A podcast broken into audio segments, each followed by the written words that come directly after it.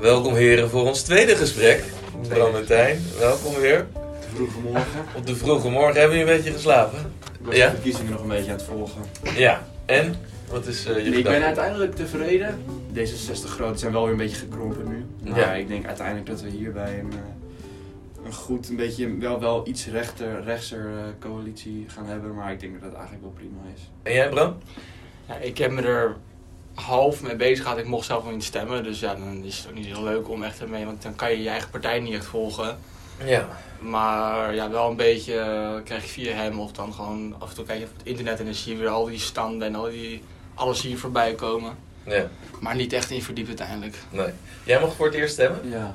Hoe, hoe was de, die ervaring? Nou, ik eh, vond het in het begin heel leuk, maar op een gegeven moment merkte ik eigenlijk dat ik echt heel erg in de knoop raakte met partijen. Dat ik heel erg aan het zweven was tussen links, rechts. Dat ik het niet helemaal eens was met midden. Toen heb ik eigenlijk op de dag zelf heb ik nog eh, extra onderzoek gedaan. En toen ben ik eigenlijk achtergekomen dat er één partij was, en dat was Volt, die er voor mij bij zat. Waarvan ik dacht, die hebben eigenlijk beide standpunten die ik eh, aantrekkelijk vind. En een, een progressieve eh, houding en veel samenwerking met Europa. Toen dacht ik, nou, dat is de partij voor mij. En nu als ze op vier zetels uitkomen of drie, denk ik dat het heel mooi is als ze bijvoorbeeld mee kunnen doen in de coalitie, als ze nog een paar zetels nodig hebben. Ja. Maar dit, eh, ik bedoel, ik denk dat het moeilijker dan stemmen was het vouwen van dat eh stemformulier. nou, dat was Ben je er ook lang mee bezig dat was een geweest? hele platte grond. Ik vond een soort van zo'n piraat met zo'n hele map. Nou, dat was echt eh, geen pretje.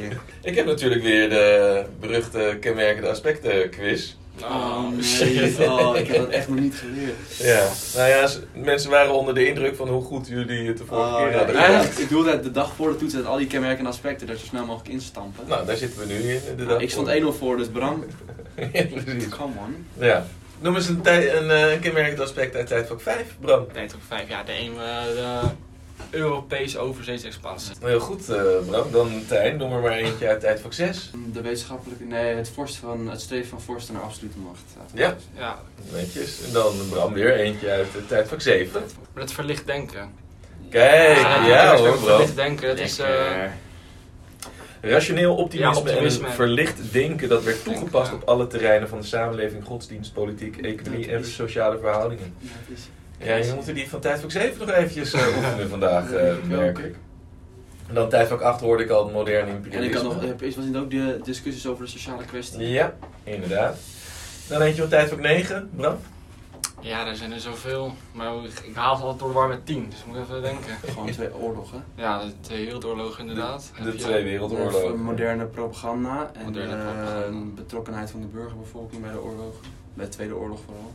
Verwoestingen op nooit niet eerder vertoonde schaal door massavernietigingswapens en de betrokkenheid van de Oh, burgerbevolking nee, maar ik, bij ik, bedoelde, oorlogsvoering. ik bedoelde ook de moderne rol van propaganda en... eh, Die is, is, ja, die is in Ja. De rol- elkaar verwikkeld. De rol van moderne propaganda en communicatiemiddelen en vormen van massaorganisatie. Ik zeg, Nou Bram, dan nog eentje van 10. 10. Ja, dan heb je natuurlijk eh, modern imperialisme heb je daar toch ook? Nee, dat is tijdvak 8 dus. 8. Oh ja. wel vormen van multiculturele en pluriforme Ja, samenleving. die bedoel ik. Ja. Ja, dan moet ik toch weer het Ja, ja, ja, ja. Oeh. Shit. Ja, Bram, heb je nog wat te doen vandaag? Ja, Dat is zeker, wel fijn. Goed, dan eh, naar het... ja, eigenlijk, wat is jullie favoriete tijdvak, vroeg ik me af. Wat is, als je nou mag kiezen, 5 tot met 10, Tien. wat is degene die Ja, ik denk ook wel aanspreekt? 10, ja. 10, ja? Ik vind het gewoon ehm, bizar om te zien hoe binnen de afgelopen 50 jaar, eh, zeg maar, de, hoe, je, hoe je ziet hoe de, van, van de hele samenleving en het, het beeld ten opzichte, zeg maar, in Nederland ten opzichte van Europa gaan zo erg veranderd en doorontwikkeld tot waar we nu zijn en partijen en hoe mensen, waar mensen op stemmen, et cetera. Hey, en bij jou ook, Bram, ook eh Ja. 10? Ik sluit me erbij. Ja, 10. Dat is meer omdat het het meest recent. Ja. En die oorlog, de, de oor- de oorlog vind ik wel heel interessant. En dan gewoon van het stuk wat daarna gebeurt, hoe het herstel, dat soort dingen. Dat, eh, Ja, want de Tweede. Wereldoorlog zelf, hè, dat vinden veel mensen het eh, meest interessante. Dat is dan weer tijdvak 9. ja, klopt. Maar ook zeg maar, gewoon het hele gedeelte daarna, dat gebeurt ook nog genoeg. Dat Ja. vind ik ook wel eh, heel interessant. Herstel Ja. Herstel. Ja, en de Koude Oorlog. Hè, dat Koude Oorlog, veel mensen inderdaad. in, eh, tijdvak 10 natuurlijk ook interessant. Precies. Hey, en eh, een favoriet historisch figuur? Kun je daar iemand eh, van noemen? Als je nou denkt, in de geschiedenis is dit wel iemand die spreekt me wel aan. Dan ga ik gewoon voor Columbus. Ja. De, de ontdekker van hem, ja, niet helemaal volgens mij. Of wel? Zo. Ja, er is altijd discussie over, is hij nou de ontdekker als er al heel veel mensen wonen natuurlijk. Nee, er wonen maar- miljoenen mensen, hij komt daar, ah, het is ontdekt. Huh? Dat is een beetje gek. Nee, maar dat zal dat wel mijn favoriete eh, Ja. zijn. Jullie hebben gekozen voor welk onderwerp, we hebben alle drie geleerd. Nee, we hebben nu gekozen voor het Britse Rijk. Nou, de hoofdvraag is hoe het eh, Britse Rijk zich zou kunnen ontwikkelen volgens mij in Amerika, toch? Ja. Van 1585 tot 1833. Nou, eh Tijn, kun je daar iets over zeggen? Nou ja, voor mij begon die eh, Engelse kolonisatie, dacht ik, met de Pilgrim Fathers, dacht ik. Ja. En eh, voor mij ging het een beetje zo dat zij via mij het oosten ook binnenkwamen. En dan bij het noordoosten hadden ze dan die landbouw, hadden ze daar, weet ik. En dan in het zuiden hadden ze plantagekolonie, waar bijvoorbeeld dan tabak en katoen werden verbouwd. Ja.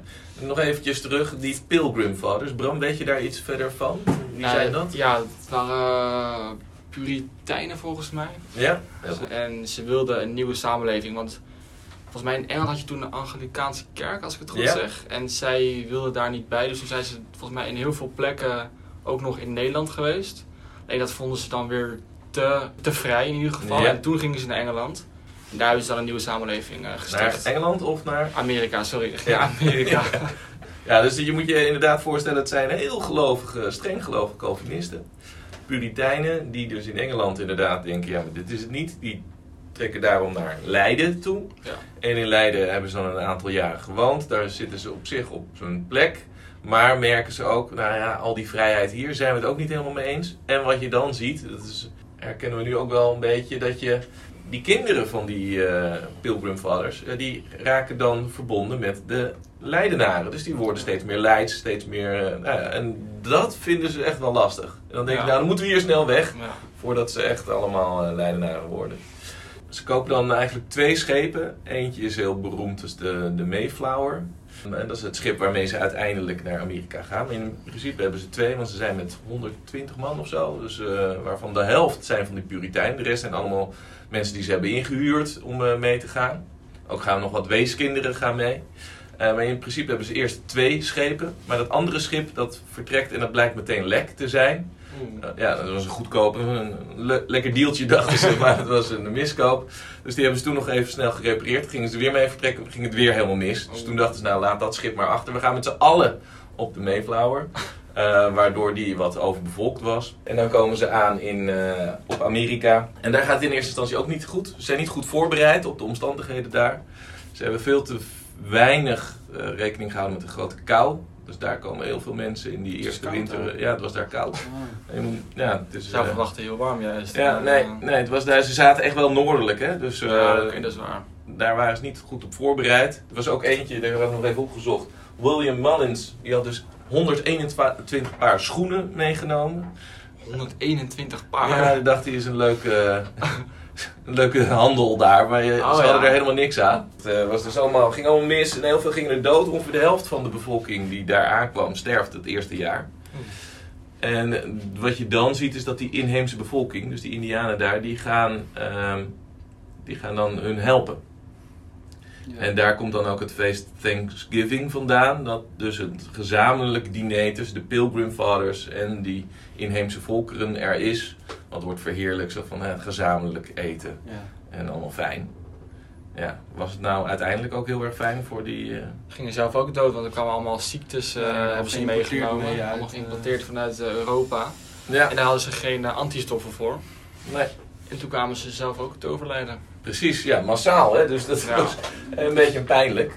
Hoe dat dan voor die inheemse bevolking afloopt. En in eerste instantie is er dus goed contact met de inhe- inheemse Ja. volkeren. En later gaat het helemaal mis. Want dan hebben ze weer honger en dan gaan ze de, die, die inheemse volkeren beroven enzovoorts. Dus dat eh, wordt een ramp. En dan zie je inderdaad dat vrij snel ontstaat er een verschil tussen de noordelijke koloniën in Amerika van die Engelse en de zuidelijke.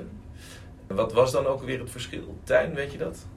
Voor mij was in het zuiden meer gericht op plantages en het noorden was meer op eh, landbouw, Nijverheid en dat soort dingen. nijverheid, landbouw. Nou, landbouw, dat is ook plantage. Hè? Dus ja, dat, maar dat- dat was in het oosten, voor mij meer noordoosten dan.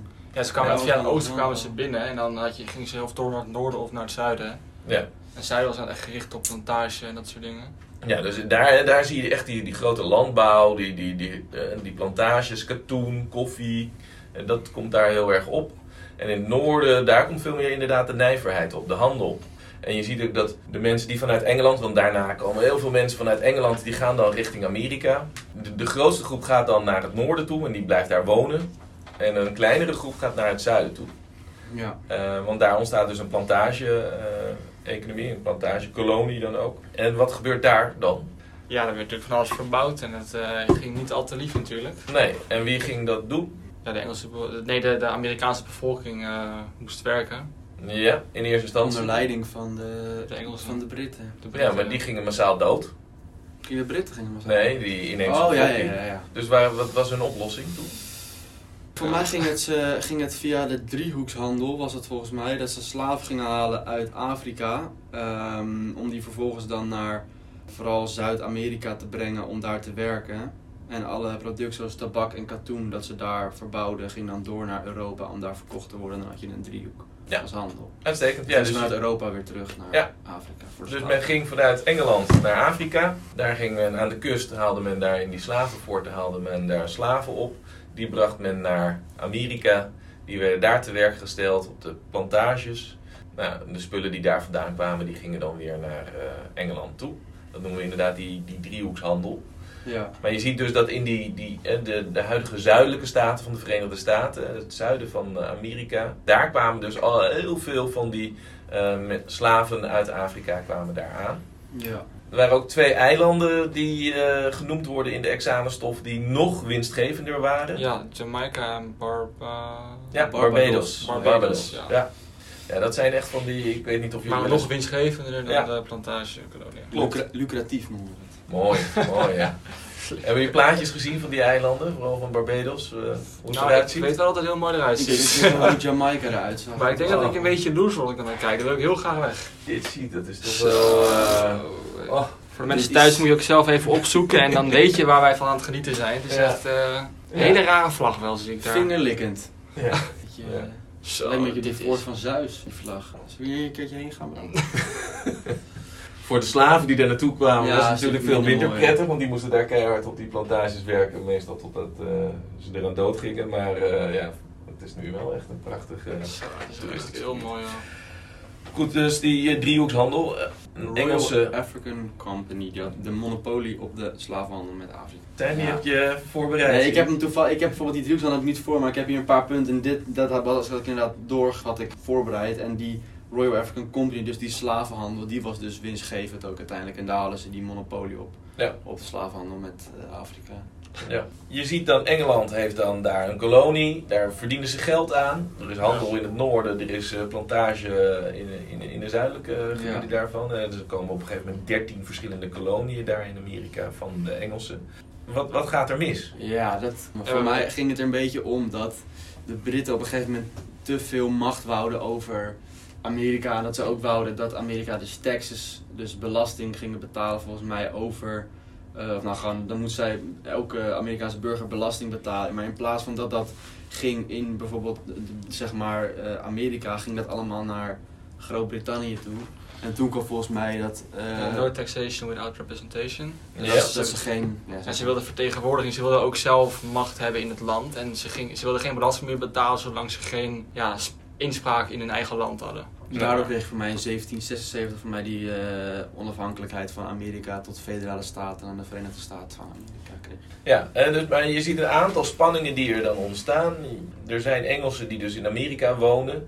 Ja, die gaan van generatie op generatie. Die raken minder gehecht aan Engeland. Want Ja. ze zijn er niet meer geboren. hun overgrootvader is er geboren. Dus ja, ze hebben er niet meer zo heel veel mee. En denken, ja, we zijn gewoon, voelen zich dan echt Amerikaan en niet meer Brit. En dat Ja. zorgt er al voor dat er eh, wat spanningen ontstaan. En dan inderdaad komt er die constante drang naar eh, belastingheffing van de Engelsen. Want die willen gewoon geld verdienen aan Amerika. Ja. Hebben dan ook een heel aantal oorlogen achter de rug met de Nederlanders, met de Fransen. Die moeten ze bekostigen.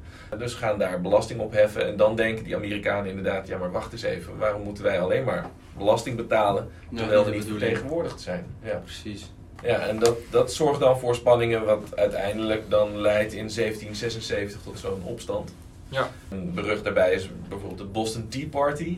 Daar- Eh, niet van dat- gehoord. Ik heb er wel van gehoord. Meer ook niet. Ja, het, het is dan zo dat de Amerikanen die krijgen van de Engelsen te horen dat ze niet zelf meer thee mogen importeren, maar dat het altijd via de Engelsen moet gaan, want de Engelsen verdienen heel goed aan die theehandel. Mhm. En daar heffen ze dan belasting op. Dus die Amerikanen denken, ja, we krijgen dus, we moeten van de Britten duur thee inkopen. En daar zijn een aantal fel tegenstander van. Dan komt er, eh, komen, komen er in Boston komen er van die schepen volgeladen met thee. En dan hebben ze een plan. Dan eh, ver- verkleden een aantal van die Engelsen zich, of van die Amerikanen zich als Indianen, inheemse volkeren, die dan werken op die schepen om het allemaal uit te laden. Maar in plaats van dat ze het gaan uitladen, gooien ze het daar in de haven overboord eh, van die schepen het water in. Om die, dat thee eigenlijk te vernietigen. Het is dan allemaal niet meer bruikbaar natuurlijk als je thee zo in het water gooit. Ja. En daarmee is het eigenlijk de eerste stap gezet richting die opstand.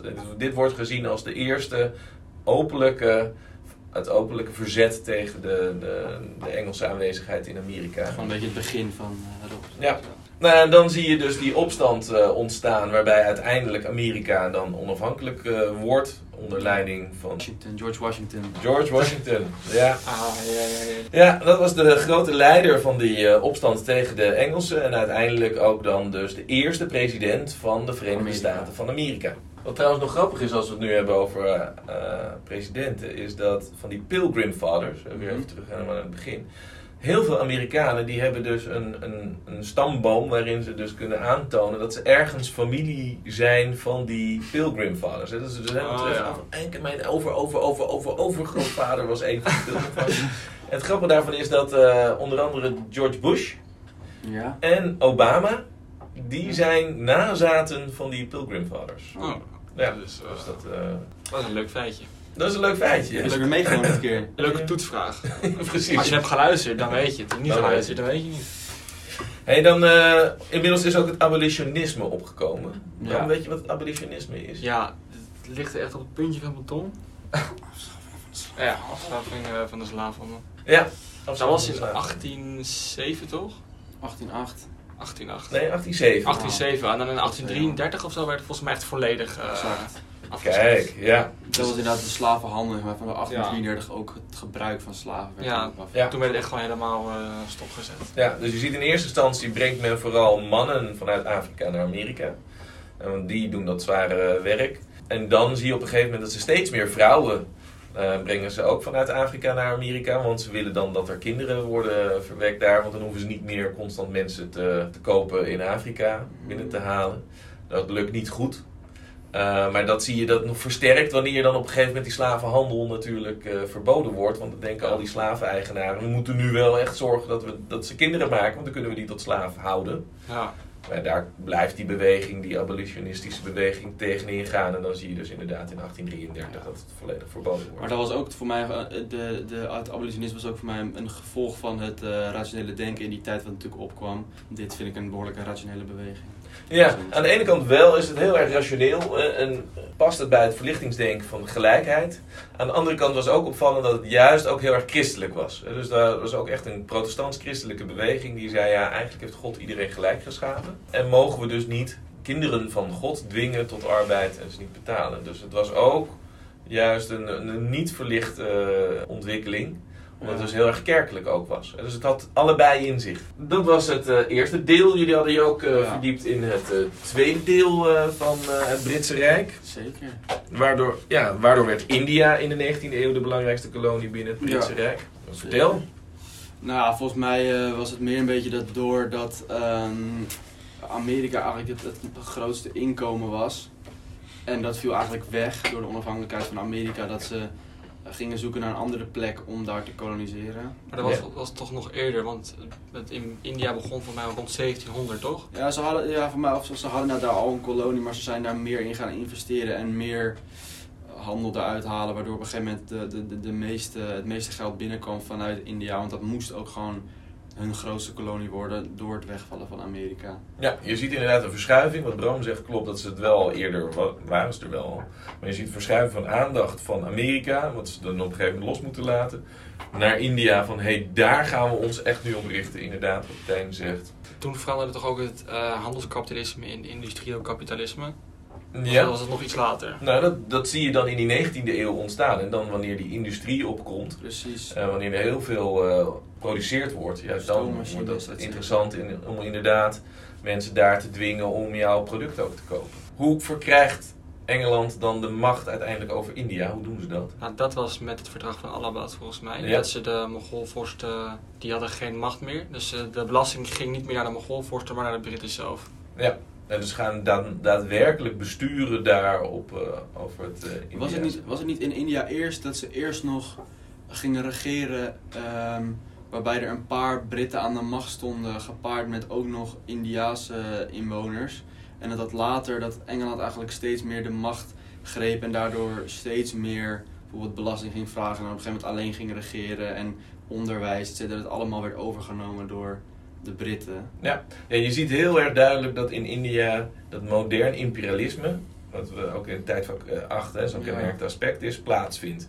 Dus daarvoor eh, ja, zitten er wel Engelsen en die hebben wel wat te zeggen, maar is het vooral gericht op handel en op verdragen met elkaar sluiten. Ja. En dan in de 19e eeuw gaan ze ook daadwerkelijk besturen. Dus dan willen ze ook echt daadwerkelijk de macht in handen Maar dat komt een hebben. beetje na dat verdrag van Allahabad. Dat komt met dat verdrag van Allahabad. East India Company had je toen. Ja. Volgens mij. En toen inderdaad, toen breidden ze de macht uit over India. Toen gingen ze belasting vragen in India. Dat werd dan een grote inkomstenbron. Dus toen had Engeland de controle over India. En toen stelden ze een leger van Indiase soldaten op, maar dan wel onder leiding van Engelsen. Ja. En ik zie dat er weinig migranten waren uit Groot-Brittannië in tegenstelling tot wat in Amerika wel veel Engelsen daar gingen wonen. En dat een paar Engelsen de macht vormden in India. En dan had je dus een, inheemse, in, een inheems bestuur, maar dan wel onder leiding van die Engelsen. Ja. En dan daarna kreeg je mij dat, dan, dat, dus dat verdrag. Waardoor dan dus na dat gebeurde. En daardoor kwam er ook een, opstra- een opstand onder de ontevreden Indiase soldaten. Omdat het eigenlijk gewoon natuurlijk een niet correcte manier is om een volk te behandelen. En toen daarna kregen ze meer macht door stoomschepen, spoorwegen. Suezkanaal. Suezkanaal. Dat je die, die eh, snellere vaarroute had. En toen voerden ze de Engelse taal, rechtssysteem, onderwijs, et cetera allemaal in. Toen kreeg je die emancipatiebeweging nog een keer in India, die zeg maar ervoor zorgde dat je die Indian National Congress had. En toen gingen ze dus streven naar gelijke kansen. En dat leidt dan uiteindelijk ook in dat India dan onafhankelijk wordt. Eh, heel eventjes nog de, de chronologie. Je hebt al in de 18e eeuw dat dan dat verdrag van Allahabad wordt eh, gesloten. Dus daarmee begint wel echt Ja. dat de Engelsen aan, eh, echt gaan besturen daarin. Met dat besturen dan zijn ze inderdaad met een vrij kleine groep, want er gaan veel Engelsen daar dood. Dus ze hebben het bestuur doen ze ook samen met de Indische vorsten. Ze hebben ook een leger wat voor een groot deel bestaat uit eh, mensen Indiase uit India. ja. En die komen dan in eh, 1857 komen die dan 1857. ja, in opstand. Maar dat was dus na het verdrag van Allahabad. Ja, en ruim zeg maar inderdaad dat ze dan, doordat ze in opstand kwamen, en toen was Engeland wel, had wel gezag, maar was niet een complete onderdrukking. En toen daarna waren, eh, waren de Britten van oké, nu gaan we India volledig onderdrukken. En daar uiteindelijk bestond die emancipatiebeweging tot onafhankelijkheid. Ja, ze weten Van India. beter hoe ze met de ziektes in India moeten omgaan, waardoor er meer Engelsen in leven blijven. Dus er komen meer Engelsen daar naartoe. Ja. En dan gaan ze inderdaad eh, volledig erop van, nou nu gaan we jullie dan echt onderdrukken en aanpakken. En nou zeggen wij hoe het moet en dan laten we ons niet meer, gaan we niet meer samenwerken of niet meer jullie belangrijke posities geven. Het is nu aan ons. En dan ontstaat die Indian National Congress. Ja, en dan zijn er dus mensen vanuit India die denken, ja maar hier zijn we het niet mee eens. Wij willen zelf invloed hebben, want eh, Ja. die zijn hoog opgeleid, soms ook in, gewoon in Engeland op de universiteit gezeten. Ja. En die richten dan een congres op Ja. waarin ze medezeggenschap eh, ja, willen. en een beetje hetzelfde als wat in, in Amerika gebeurde eigenlijk. Ja. Alleen ging het hier in meerdere stappen Ja. van onderdrukking. En duurt het langer, hè? dus pas na de Tweede Wereldoorlog krijgt India echt een, eh, haar zelfstandigheid. Dat, dat duurde, inderdaad- duurde inderdaad langer. Ja. Oké, dan eh, is er eh, nog eh, 1.3. Oh, welke rol speelde de kolonie in sociaal-economische ontwikkelingen in Groot-Brittannië? Nou, de Spinning Jenny, eh, dat, dat zegt misschien nog wel wat, eh, Bram. Zeg dat een weefapparaat of weefmachine, hoe zeg je dat?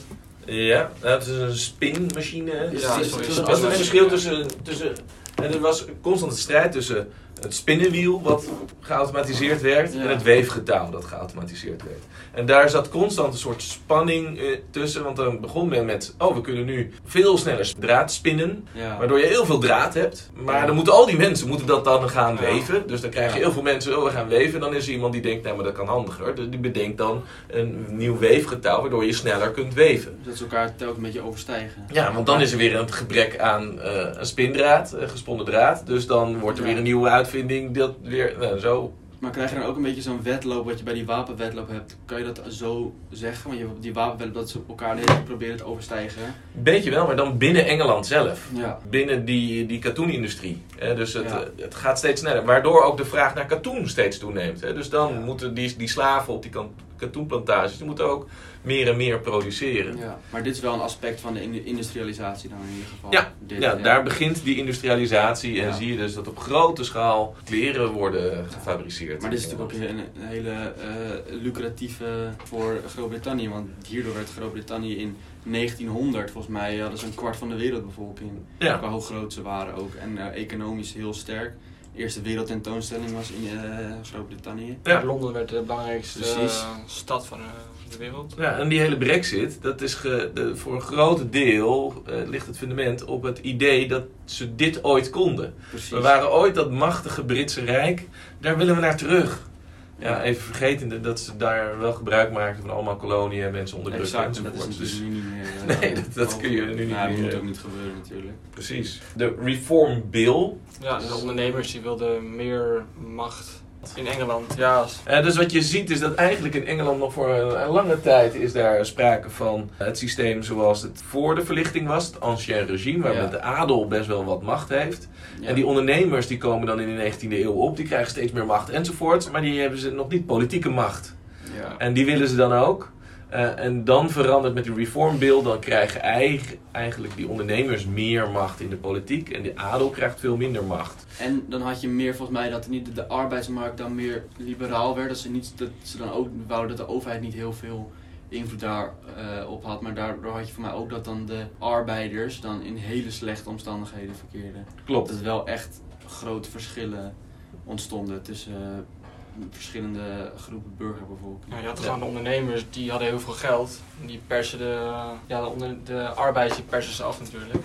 Ja. En daarom krijg je die Factory Acts. En dat Eh, houdt in? De... Dat is eh, eigenlijk de eerste sociale wetgeving in, in Engeland. hè. Dus wat, wat wij later het kinderwetje van Van Houten hier in eh, Nederland kennen. 1874. Eh, kijk, zijn in, eh, in Engeland die Factory Acts waarin eh, nachtwerk voor kinderen verboden werd. In 1833 bijvoorbeeld. En dan volgen daarna andere Factory Acts. Zoals de wet die in ze- 1847 de werkdag voor vrouwen en kinderen tot 18 jaar in de textielindustrie beperkte tot 10 Ja. uur. Maar hier, hierdoor zorgde dat het dus wel veel ongelijkheid was. Eigenlijk nadat het Britse Rijk heel groot was. Dus eigenlijk moesten ze hiervoor zorgen dat er een, een mate van gelijkheid bewerkstelligd moest worden. Om, eh, om zo Groot-Brittannië te, eh, weer te laten floreren. Zo. En je ziet dus dat er een situatie ontstaat waarin eh, Engeland ontzettend teert op de producten vanuit India. Ja. Dat ze daar hè, de mensen met hongerloon kunnen laten werken voor hun. Ze kunnen ze dwingen om hun producten te kopen. Dat valt een beetje weg dan. En dan op een gegeven moment valt dat weg. En worden ze ook Ja. voorbijgestreefd door bijvoorbeeld Duitsland in de Tweede Industriële En de Revolutie. Verenigde Staten Ja. kwamen ook nog. Eh, Staten komt als- dan ook op. Ja, en dan neemt de macht van Engeland eh, een weer beetje af. En nu is de, de florerende periode van Groot-Brittannië een beetje tot zijn einde gekomen. Ten einde en daarmee ook het onderwerp het Britse Rijk. En daarmee ook de... Het historisch geslaagd gesprek. En dan een andere voorspelling die we heel snel kunnen aftikken. Wat gaat het vanavond worden met Ajax? Young Boys. Ze hadden vorige keer thuis toch? Thuis vorige keer 3-0 Toen had gewonnen. ik 4-0 voorspeld. Ik denk eh 0-2. Ik denk eh 1-3. 1-3. Nou, die schrijven we even op. Ja, Wordt Rick? genoteerd. Eh, ik denk een eh, 2-2. Oeh. Ja, nee, dan Maar zullen we afspreken dat als het 0-2 goed is, het puntje erbij bij de toets? ga ik mijn best voor doen. Hey, dank jullie wel voor het gesprek. Natuurlijk. En eh, heel veel succes met de toets morgen. Dankjewel.